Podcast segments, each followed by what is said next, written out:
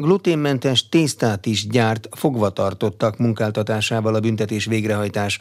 Az állampusztai mezőgazdasági és kereskedelmi Kft. tésztaüzemében a fogvatartottak az alapanyagok előkészítésétől a késztermékek csomagolásáig valamennyi munkafázisban részt vesznek. Végig kísérik a teljes gyártási folyamatot, úgy mint a lisztkeverék összeállítása, a gépek és szárítókamrák feltöltése, a csomagolóanyag hegesztése és a címkék szegecselése. A vállalat több száz elítéltet foglalkoztat, és csak nem tízezer hektárnyi földön gazdálkodik. A részletekről Rozgonyi Ádám kérdezte Gombos Róbert, büntetés végrehajtási ezredest, az Állampusztai Kft. ügyvezető igazgatóját. Állampusztai Kft. hat éve működtet egy tésztaüzemet, amelynek az elsődleges feladata a fogva tartottak és a személyállomány konyhái asztalára a tészta belső ellátás körében történő eljutatása. Sokat gondolkozunk azon, hogy lehet a KFT működését másképpen gondolni, szervezni, kijutni a szabadpiacra, olyan terméket előállítani, ami, ami jó és piacképes, megnézzük, hogy mivel lehet keresni valónk. És nekünk van egy nagy segítségünk, rendelkezésre áll a fogva tartotti munkaerő, ezért arra gondoltunk, hogy egy kicsit egyébként szembe menve egy általános piaci rendel nem olcsót és nagy mennyiségben, hanem jó alapanyagból prémium terméket kézi munkerővel állítunk elő, és a gluténmentes termékkör Magyarországon nem széles körű. Tájékozottunk, és azt tapasztaltuk, hogy alapanyagban általános a kukoricaliszt, és ha valaki a gluténmentes termékek körében otthonosan mozog, vagy fogyasztó, az látja, hogy igazán jó minőségű gluténmentes termék az kevés, és rossz alapanyagból is készítenek. Kukoricaízű, sárga, főzés közben szétesik. Segített nekünk szakmailag a Hungaropaszta Magyarország mintatészta üzeme, a La Parmigiana mintaüzeme, és Magyarországon egyedülálló módon olasz alapanyagot szerzünk be, ez egy kevert liszt, 60% rizsliszt, 20% fehér, 20% sárga feltárt kukoricaliszt.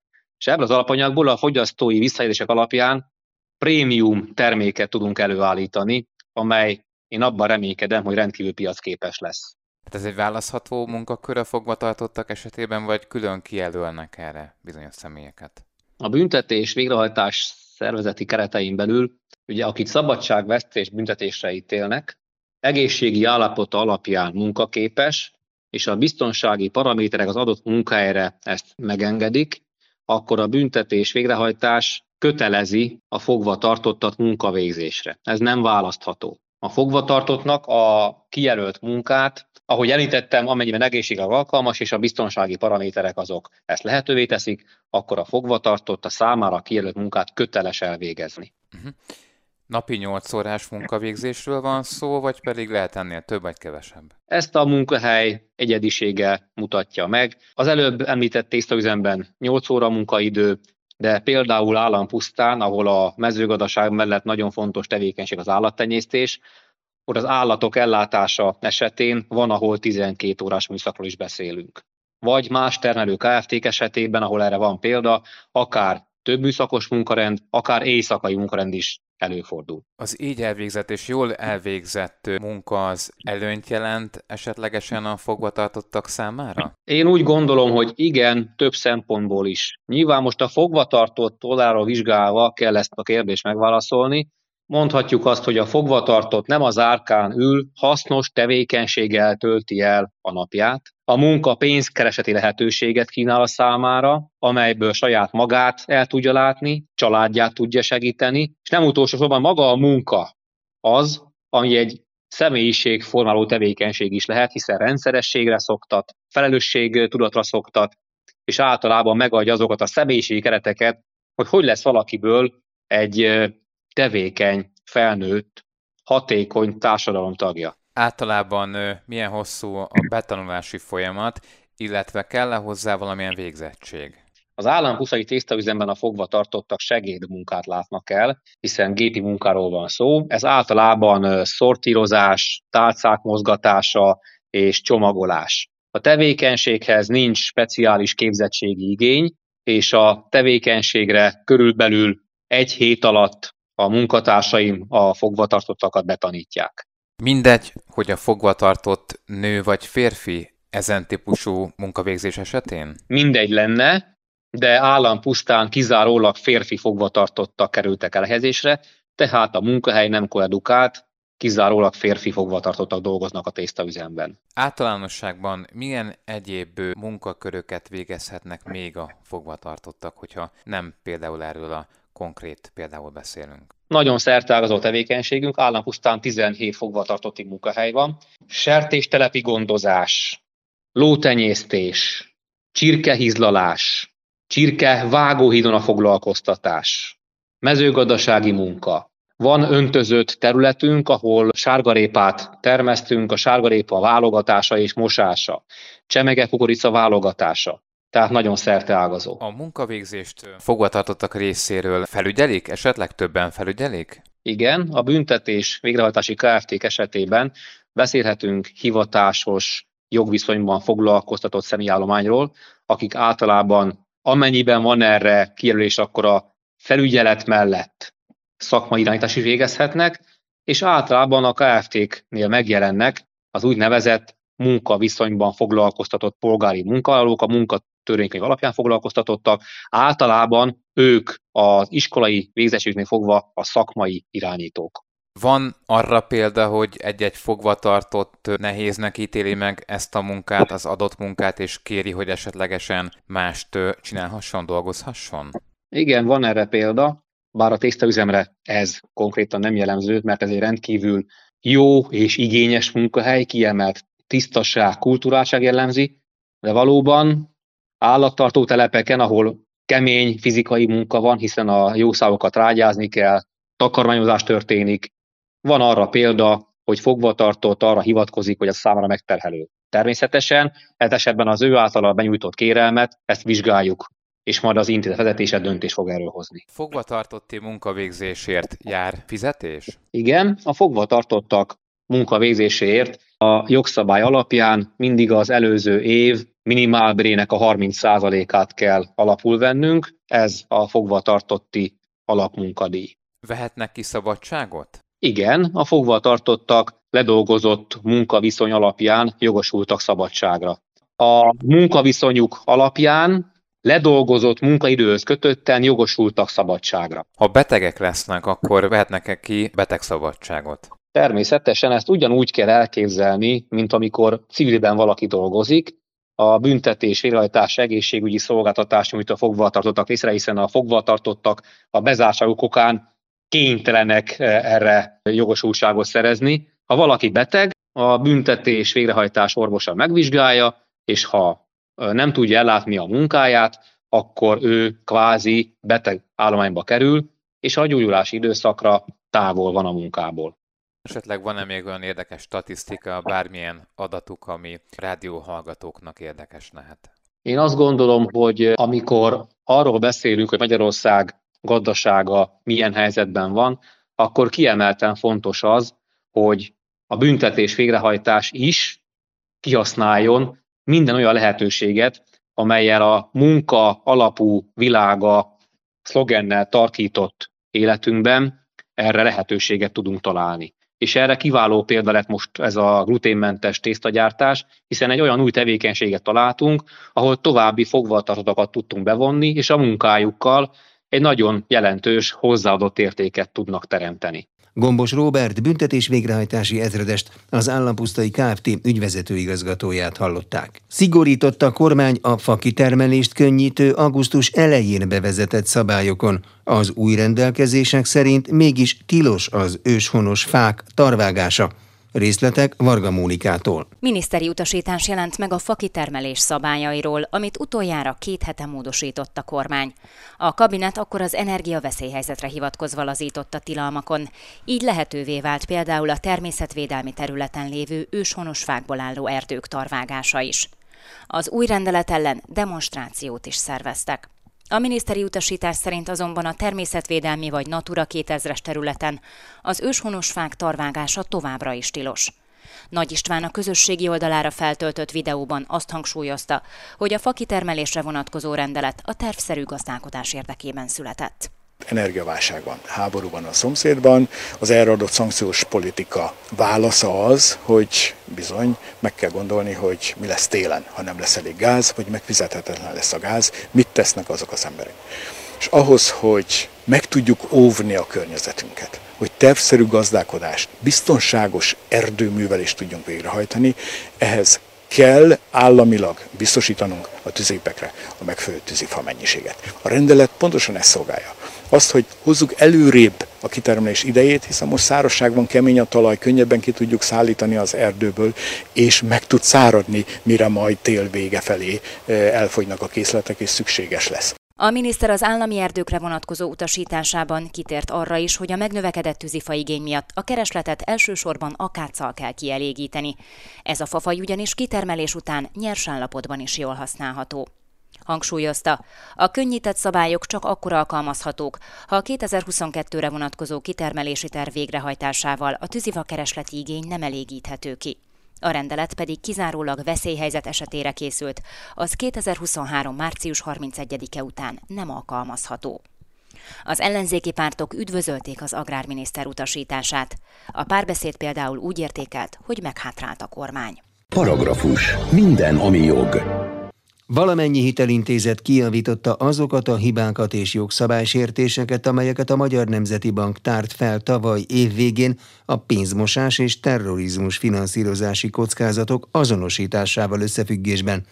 A jegybank a témavizsgálat során az érintett öt bankra és két fióktelepre összesen valamivel több mint 158 millió forint bírságot szabott ki, mondta az Inforádiónak a Magyar Nemzeti Bank felügyeleti szóvivő helyettese. Nádra Ildikót Sipos Ildikó kérdezte. A Magyar Nemzeti Bank témavizsgálatot végzett öt banknál és két fióktelepnél, nevezetesen a Citibank Magyarországi fióktelepénél, a Granit Bank ZRT-nél, az ING Bank Magyarországi fióktelepénél, az MKB Bank Enyerténél, az OTP Bank Enyerténél, a Sperbank Magyarország ZRT-nél és az Unicredit Bank Hungary ZRT-nél. A vizsgálat 2018. január 1-től a vizsgálat lezárásáig terjedő időszakot tekintett el. Összesen mekkora bírságot szabott ki a Magyar Nemzeti Bank, és milyen hiányosságokat állapított meg? A témavizsgálatnak a célja annak a feltárása volt, hogy a pénzügyi intézmények kellő alapossággal járnak-e el a pénzmosás és terrorizmus finanszírozás megelőzési tevékenységük során, azonosítják-e a tranzitfizetési számlákkal kapcsolatos kockázatokat, illetőleg megfelelő eljárásokat, kontrollokat alkalmaznak-e ezeknek a csökkentésére. A vizsgálat egyes hitelintézetek esetében pénzmosás gyanús esetekre vonatkozó bejelentési gyakorlattal kapcsolatos hiányosságokat tárt fel. Jogsértőnek bizonyult, hogy a hitelintézetek egy része nem megfelelően paraméterezte a pénzmosási kockázatot hordozó tranzakciókat jelző szűrőrendszerét. És a feltárt hiányosságok miatt a Magyar Nemzeti Bank 2021. december végén összességében 158,2 millió forint bírságot szabott ki a hét piaci szereplőre 2022. április-májusi határidővel ezeknek kötelezte a feltárt hiányosságok kiavítására. Az érintett pénzintézetek azóta kijavították már a hibákat? A Magyar Nemzeti Bank 2022 első fél évében meggyőződött arról, hogy a vizsgálatban érintett hitelintézetek teljes körűen eleget tettek az előírt intézkedéseknek, pótolták a hiányosságokat, és a szervezeti szabályozási struktúrájuk révén képesek a tranzit számlakockázatok észlelésére és azok kiküszöbölésére is. A Magyar Nemzeti Bank felügyeleti szóvivő helyettesét hallották. Paragrafus. Minden, ami jog. Az egyetemi időszak kezdetével felélénkül az albérlet piac is, ezért a Nemzeti Adó és Vámhivatal egy közleménnyel igyekszik segíteni a bérbeadóknak. Kis Péter András a nap szóvivője az Inforádiónak elmondta, fontos, hogy a bérlőknek a bérbevett lakásról mindig legyen érvényes lakásbérleti szerződésük, a havi lakbér kifizetését pedig érdemes dokumentálni. Ilyenkor nyár végén, augusztussal, ősz elején keresnek a legtöbben albéletet. Ilyenkor szokták kihirdetni legtöbbször a felsőoktatási intézményekbe a felvételi ponthatárokat, és a diákok ilyenkor gyorsan megindulnak, és keresik a számukra legjobb helyen lévő és a legjobb felszereltségű albérleteket. Ezért szoktuk általában ilyenkor felírni a figyelmet a különböző szabályokra. Általában általában a, a bérbevevőknek, tehát a bérlőknek inkább tanácsolni szoktunk, ugyanis náluk adózáshoz kapcsolatos teendő nagyon nem fordul elő. A legfőbb tanácsunk az, hogy írásbeli szerződést kössenek, illetve hogyha a kifizetik a bérleti díjat, akkor azt valamilyen úton módon úgy tegyék, hogy annak legyen nyoma is. A legegyszerűbb megoldás ilyenkor, hogyha a bérlők mondjuk banki átutalással intézik a lakbérnek a fizetését, és a közleményrabatban feltüntetik, hogy bérleti díj, és mondjuk valamelyik hónapot teszem azt 2022. október vagy szeptember. Adózással kapcsolatos teendő a bérbeadónál fordul elő, méghozzá neki kell adóznia. Egyrészt lakóingatlannak a bérbeadása, hogyha azt nem gazdasági tevékenységként végzik, mármint hogy akár mondjuk nem vállalkozóként, nem másik cégnek, hanem mondjuk magánember magánembernek. Valaki mondjuk örököl egy lakást, és azt kiadja diákoknak, ilyenkor ez áfamentes, és nem is kell adószámot kérni, adóazonosító jellel, ha azt nézzük majd az SZIA bevallásban lehet erről számot adni. A lakbért azt a bérbeadónak mindig dokumentálnia kell, hogy átvette, ugyanis ezzel lehet ezt nyomon követni, és a bevallással pedig be lehet majd vallani az SZIA bevallásban minden év május 20-áig, hogy mennyi bevétele, mennyi jövedelme volt valakinek ingatlan bérbeadásból. Szokott-e bármi nemi problémát észlelni a NAV lakásbérbeadások során? Nem ez a, a fekete gazdaság meleg ágya. Tehát, hogy nem így szokott lenni probléma. Egyébként a szabályok is teljesen egyszerűek, pont ezért, hogy igazából, hogyha valaki magánember magánembernek adja ki, akkor nem kell adószám, nem kell bejelentkezni előre a NAV-hoz, nem kell számlát adni, is az SZIA bevallásban kell számot adni. A jövedelmet is nagyon egyszerű kiszámolni, kétféle módon lehet. Egyik a költség elszámolás, a tételes költség elszámolás, az egy sima egyszerű matematikai tétel, bevétel mínusz költség egyenlő jövedelem. Ez a lényeg. A másik pedig a költség hányad alkalmazása, ott nem kell vonogatni kiadásokat, hanem egyszerűen a bevételnek a 90%-át, tehát 10%-ot le lehet vonni, tehát a bevételnek a 90%-a minőső jövedelemnek, és még egy egyszerűség, hogy itt csak, ha azt nézzük ingatlan bérbarásnál, a nem gazdasági, nem üzleti célúnál, ott csak is eszélyát kell fizetni, tehát a jövedelemnek a 15%-át. Itt adó erőlegeket kell fizetni évközben, és év végén pedig ingatlan bérbeadás önálló tevékenységből származó jövedelemként kell feltüntetni az SZIA bevallásban. Minden évben a NAV készít az adózóknak bevallási tervezetet, és ilyenkor ez a magánember magánember közötti bérbeadás ez nincsen benne. Ezt szoktuk javasolni, hogy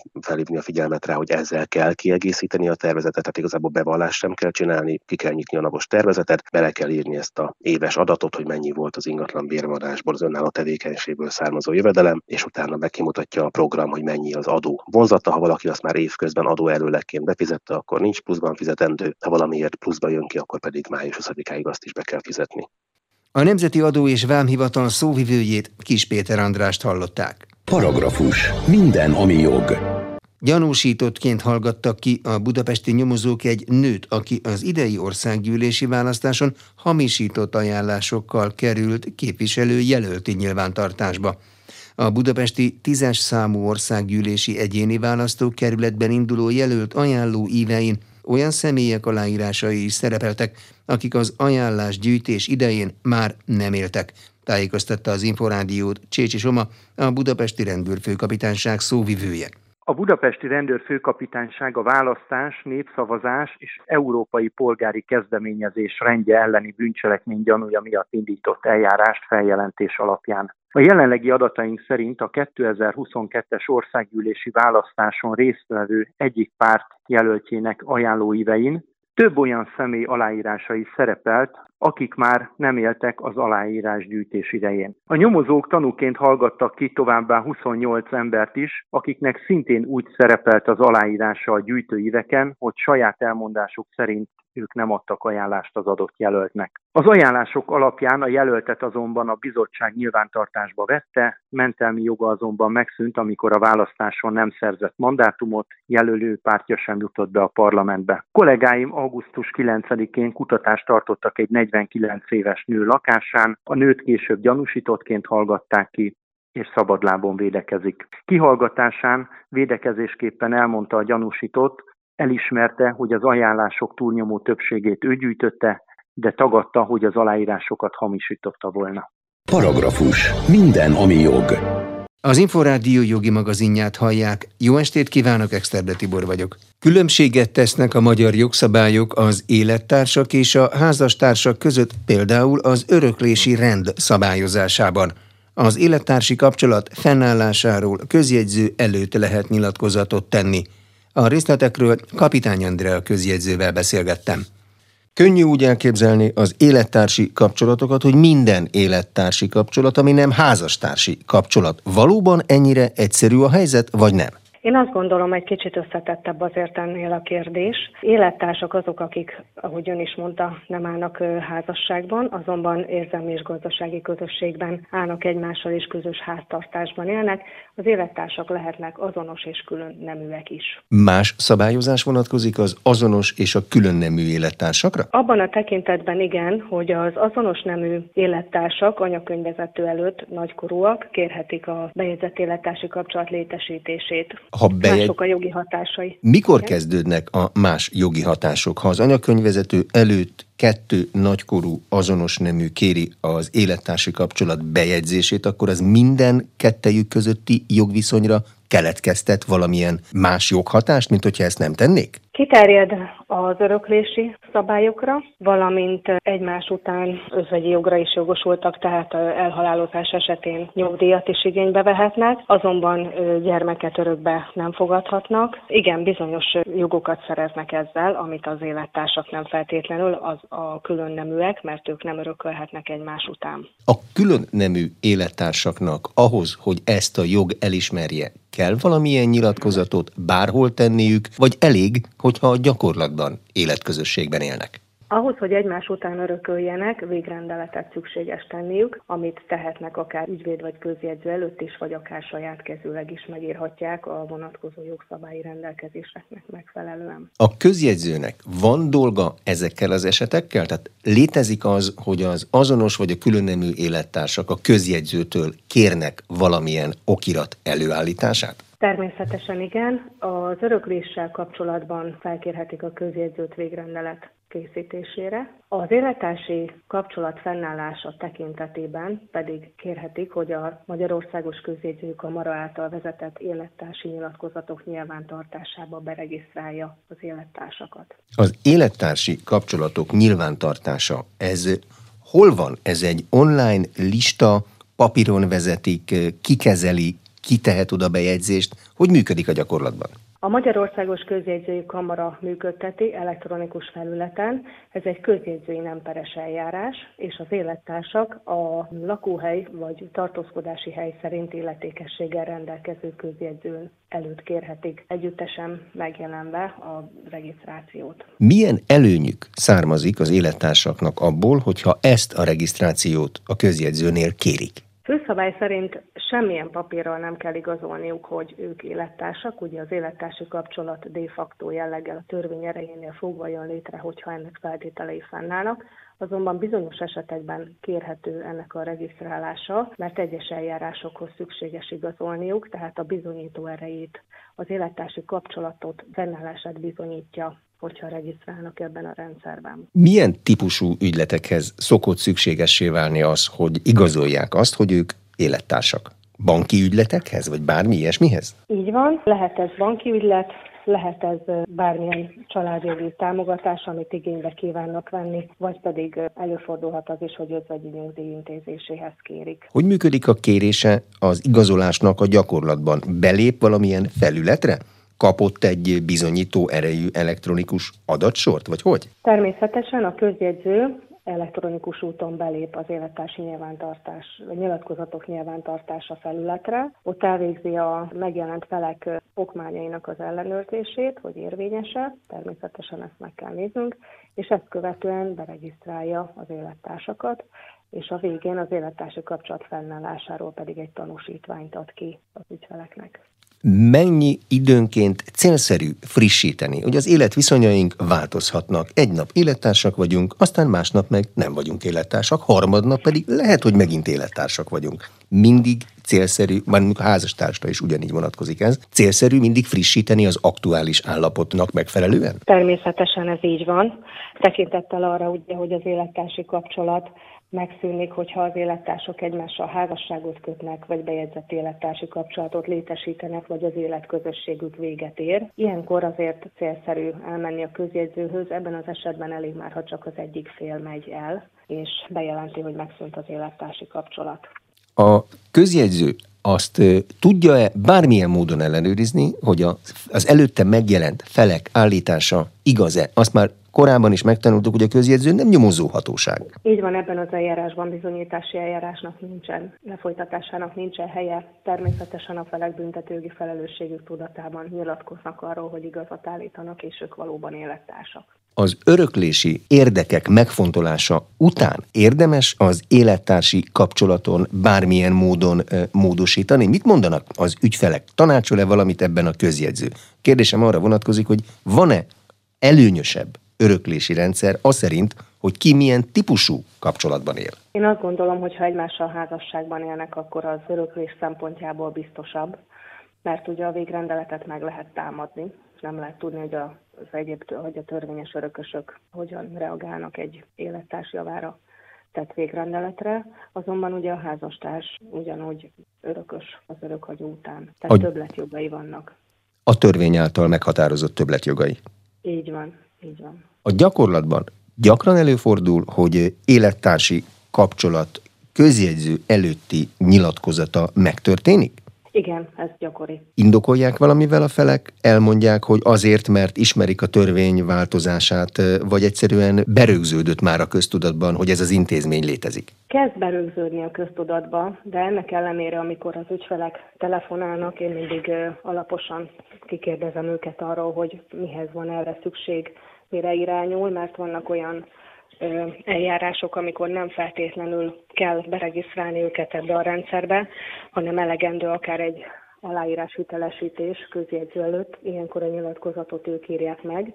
A közjegyző azt hitelesíti, hogy valóban előttük írta, írták alá ezt a nyilatkozatot, természetesen ilyenkor a nyilatkozat tartalmáért a közjegyző nem felel a közjegyzői díjon felül, mert az nyilván van, mert a közjegyző munkát végez ezzel, van bármilyen kezelési költség, adatköltség a rendszerbe építve, vagy egy közjegyzői díj, és onnantól kezdve így működik tovább? A közjegyzői díjba beépül a MOK Magyarországos Közjegyzői Kamara által rendszervezetésével járó költség is természetesen, és a közjegyzők és a MOK is elszámolnak egymással a költségek tekintetében harmadik fél a közjegyzőnél vezetett nyilvántartásba betekinthet?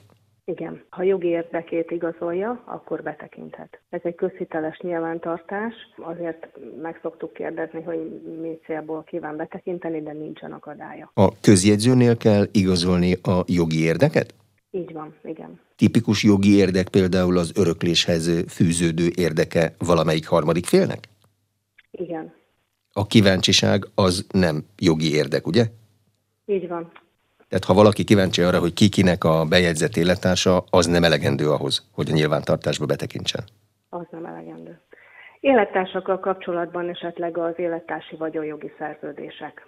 Uh-huh. Főszabály szerint önálló vagyonszerzők az élettársi kapcsolat alatt, azonban természetesen az életközösség fennállása alatt vagyonszaporulatuk is keletkezhet, és az élettársi kapcsolat véget ér, és ezt nem rendezték szerződésbe, ez ugye jogvitára adhat okot, és ha nem tudnak megegyezni, akkor bírósági eljárásban állapítják meg a, azt, hogy a hogy mi a közös vagyon és mi a külön vagyon. Ezért célszerű élettársi vagyonjogi szerződést is tenni, akár közjegyző, akár ügyvéd előtt, és arra is lehetőség van, hogy szintén a Magyarországos Közjegyzői Kamara által vezetett házassági és élettársi vagyonjogi szerződések nyilvántartásába ezt beregisztrálja a közjegyző, mert akkor harmadik fél nem nyilatkozhat úgy, hogy erről nem tudott, hogy ilyen szerződése volt az élettársaknak. Nagyon bonyolult vagyoni viszonyai lehetnek egy embernek is, üzletrészek, értékpapírok, stb. stb.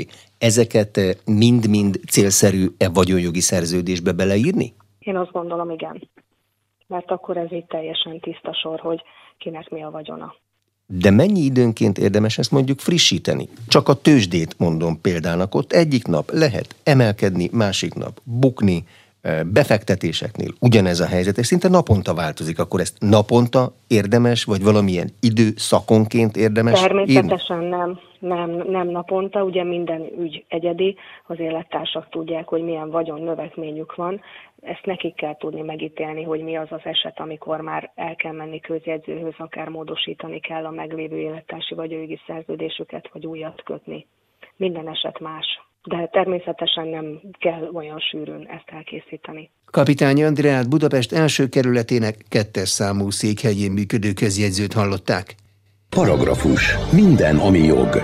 Jogi magazinnal legközelebb egy hét múlva jelentkezünk. Munkatársam Rozgonyi Ádám nevében is köszönöm figyelmüket, Exterde Tibor vagyok.